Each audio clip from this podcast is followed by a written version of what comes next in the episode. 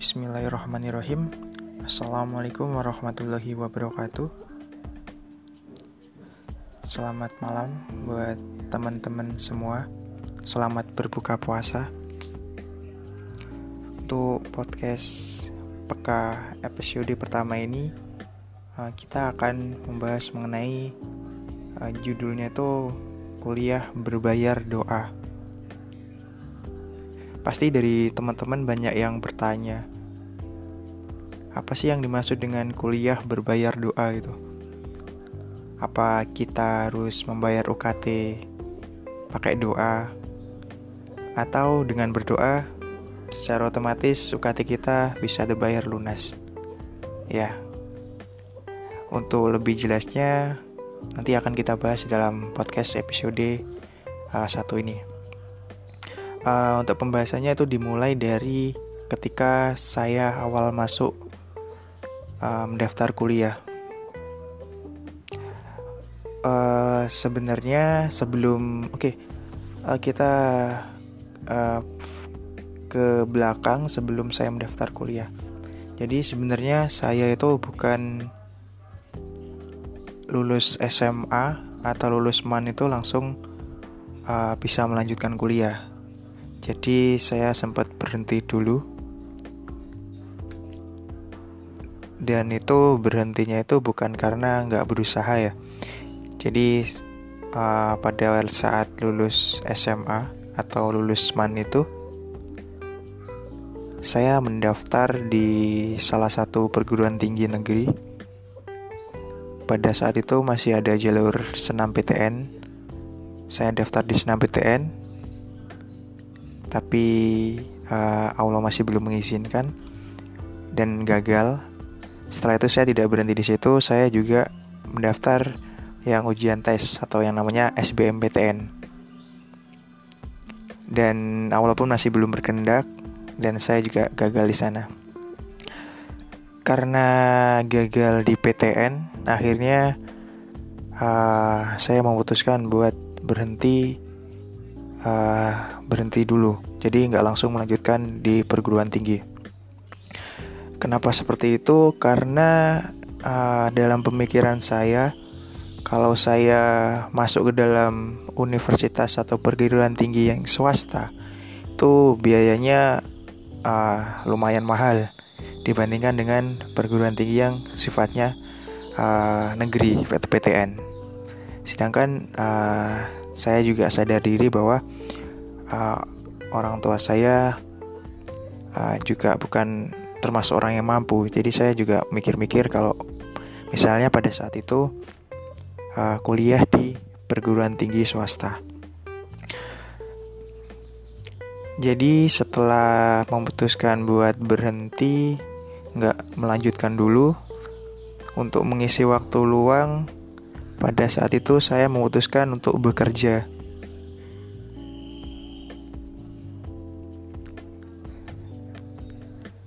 Jadi bekerja tapi itu tidak langsung dapat pekerjaan ya.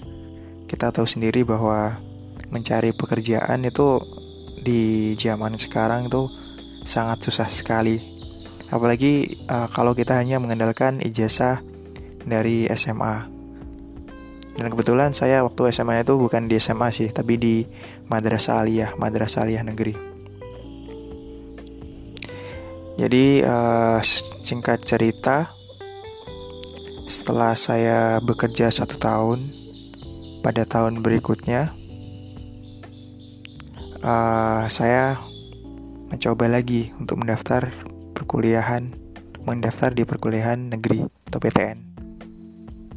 Dan untuk yang lulusan gapir atau lulusan tahun sebelumnya itu hanya bisa mendaftar melalui jalur SBMPTN dan Mandiri. Tapi karena saya dari uh, keluarga yang pas-pasan, jadi ya kesempatan saya di sini hanya di SBMPTN saja. Setelah uh, mengikuti tes SBMPTN dan alhamdulillah pada saat itu saya keterima di Universitas Jember tapi pada saat saya keterima pertama kali itu saya sebagai mahasiswa reguler. Jadi masih belum uh, penerima beasiswa bidik misi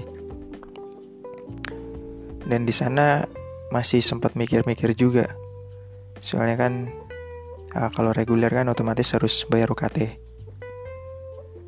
singkat cerita waktu daftar ulang saya masih ingat sekali waktu itu uh, sama ayah saya itu datang di gedung Sutarjo.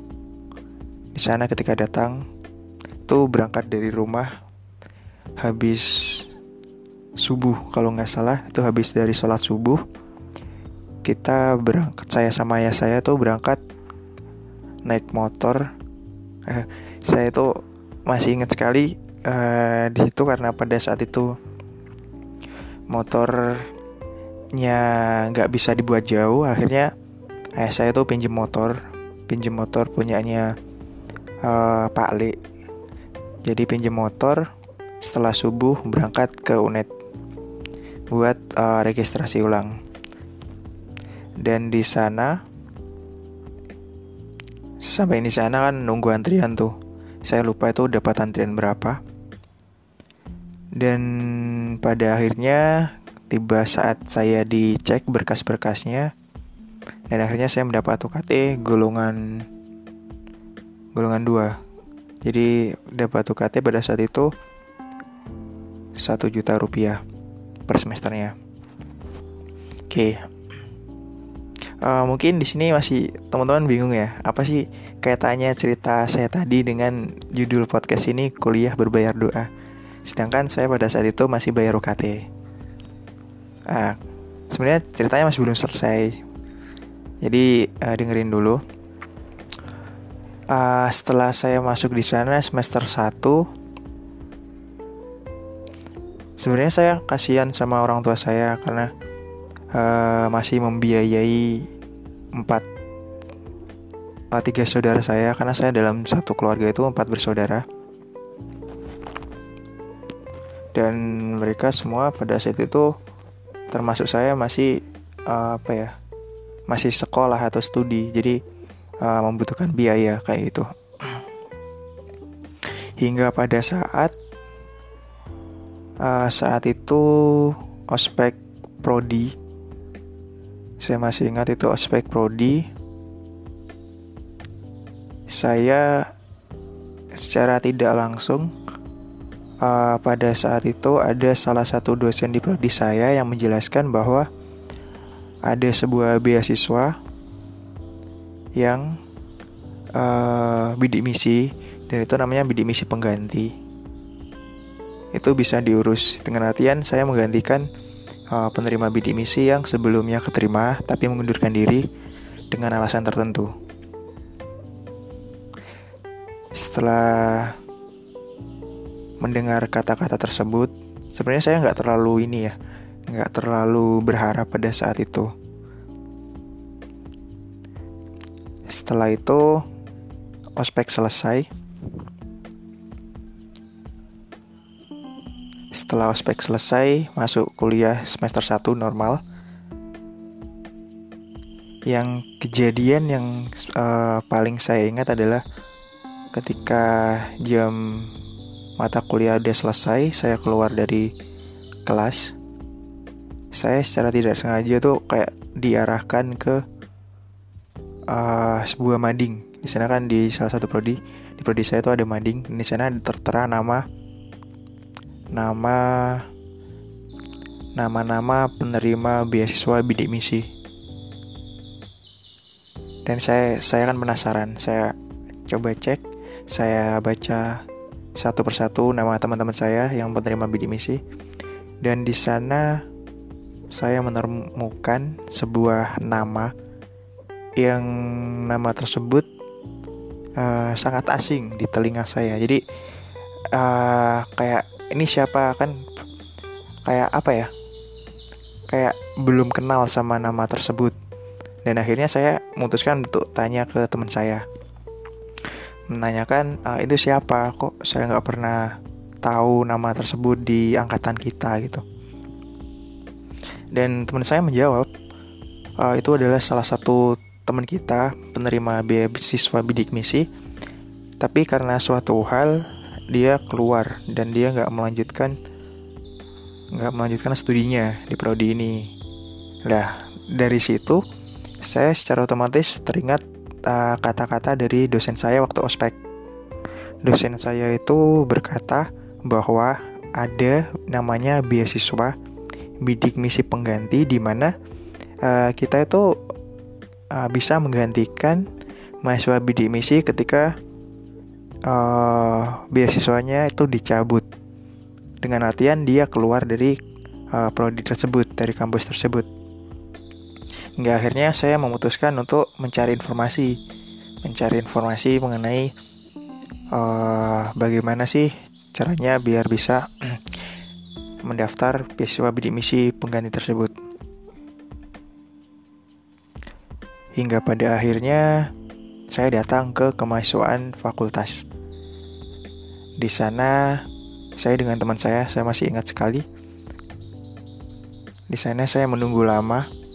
Pada hari pertama, bapaknya nggak ada. Itu saya nunggu dari uh, pagi sampai siang, siang hari. Terus pada siang hari itu saya balik dulu ke prodi saya karena ada mata kuliah. Setelah selesai mata kuliah, baru saya balik lagi ke fakultas tersebut, ke kemahasiswaan fakultas. Setelah sampai di kemahasiswaan fakultas, karena saya tidak menemukan uh, bapak yang saya cari, akhirnya saya memutuskan untuk pulang, pulang ke asrama. Terus keesokan harinya saya coba lagi. Terus begitu sampai hari ketiga kalau nggak salah. Hari kedua nunggu masih belum ketemu, hingga akhirnya saya hari ketiga baru ketemu sama bapaknya. Uh, singkat cerita, setelah ketemu dengan bapaknya, bapaknya menanyakan ya hampir sama kayak calon penerima beasiswa gitu, menanyakan penghasilan orang tua, uh, tanggungan dari keluarga itu berapa, jumlah uh, kendaraan berapa? Terus saya bapaknya tanya uh, sangat rinci pada saat itu. Dan saya jawab sejujur-jujurnya. Hingga pada akhir pada akhirnya bapaknya memberikan sebuah formulir di mana di sana uh, tertuliskan uh, berkas formulir bidik misi pengganti. Uh, dengan mengisi formulir itu sebenarnya masih belum tentu saya keterima. Keterima sebagai bidik misi pengganti.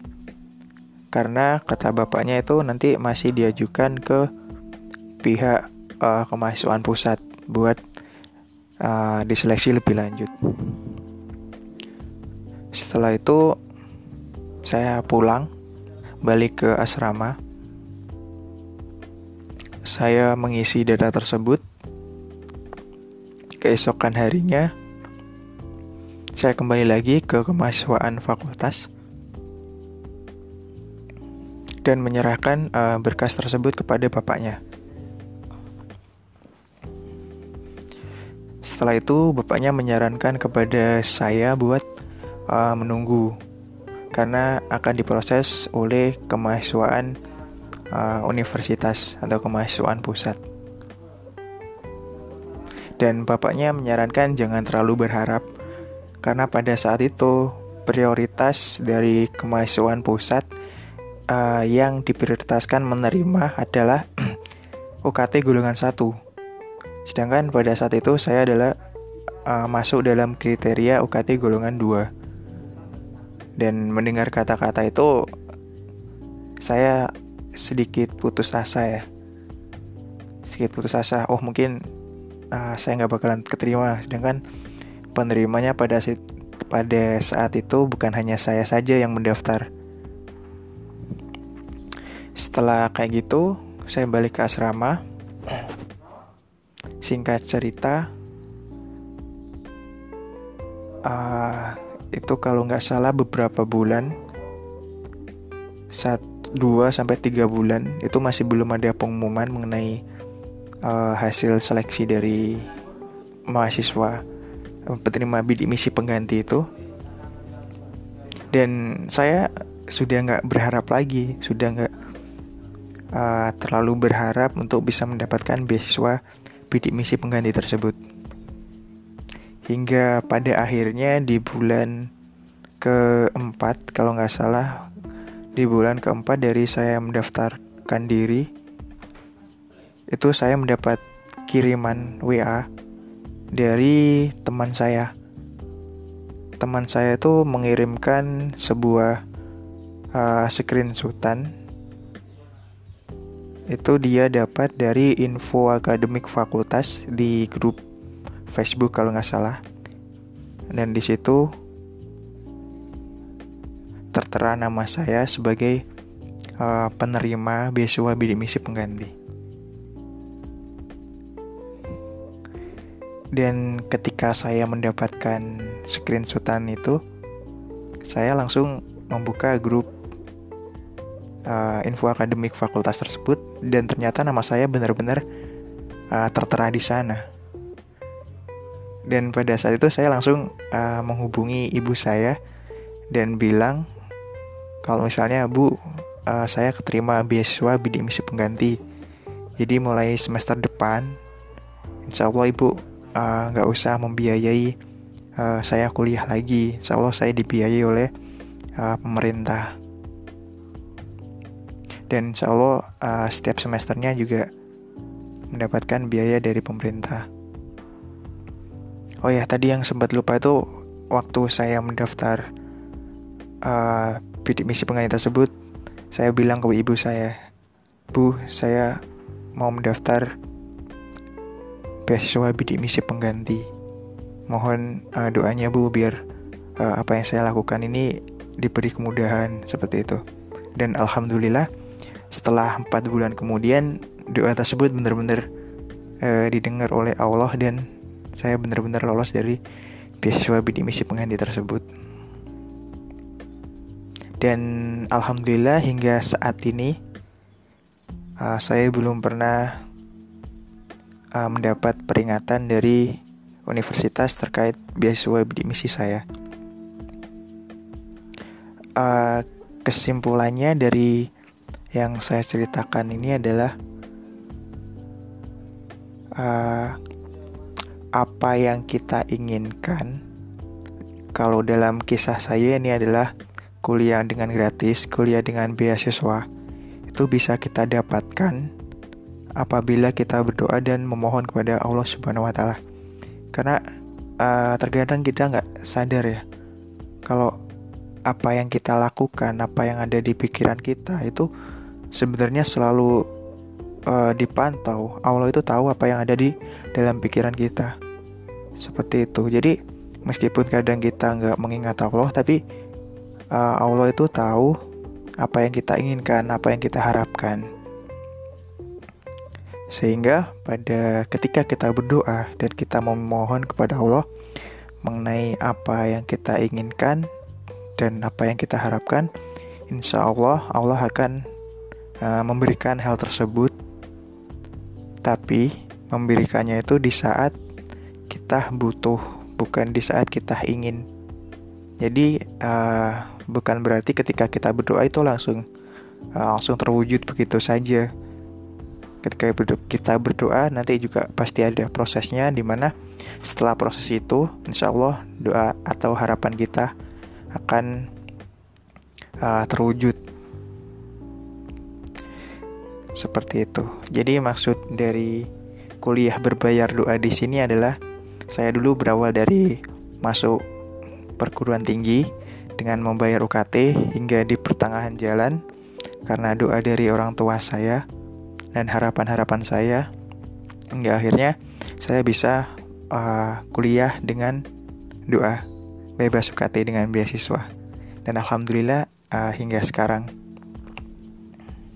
Sebenarnya uh, tidak hanya kisah ini saja ya kisah sekali ini saja. Banyak kisah-kisah lain dalam hidup saya yang uh, saya merasakan sendiri kekuatan dari doa orang tua saya salah satunya adalah saya selama alhamdulillah 4 tahun kuliah di Jember ini saya tinggal di asrama dan di asrama tersebut saya tidak mengeluarkan biaya speser pun. Dan mungkin nanti hal ini akan kita bahas di podcast yang selanjutnya. Uh, bagaimana kekuatan doa bisa membuat kita di perantauan selama 4 tahun kuliah dan di asrama itu tidak membayar sama sekali malah kita uh, di saat-saat tertentu itu kita uh, mendapatkan pemasukan tambahan seperti itu uh, mungkin karena ini episode masih pertama jadi kata-kata saya mungkin masih agak belepotan jadi harap dimaklumin Mungkin cukup sekian dulu. Semoga apa yang saya sampaikan bisa memberikan manfaat atau inspirasi kepada teman-teman. Oke, selamat malam dan wassalamualaikum warahmatullahi wabarakatuh.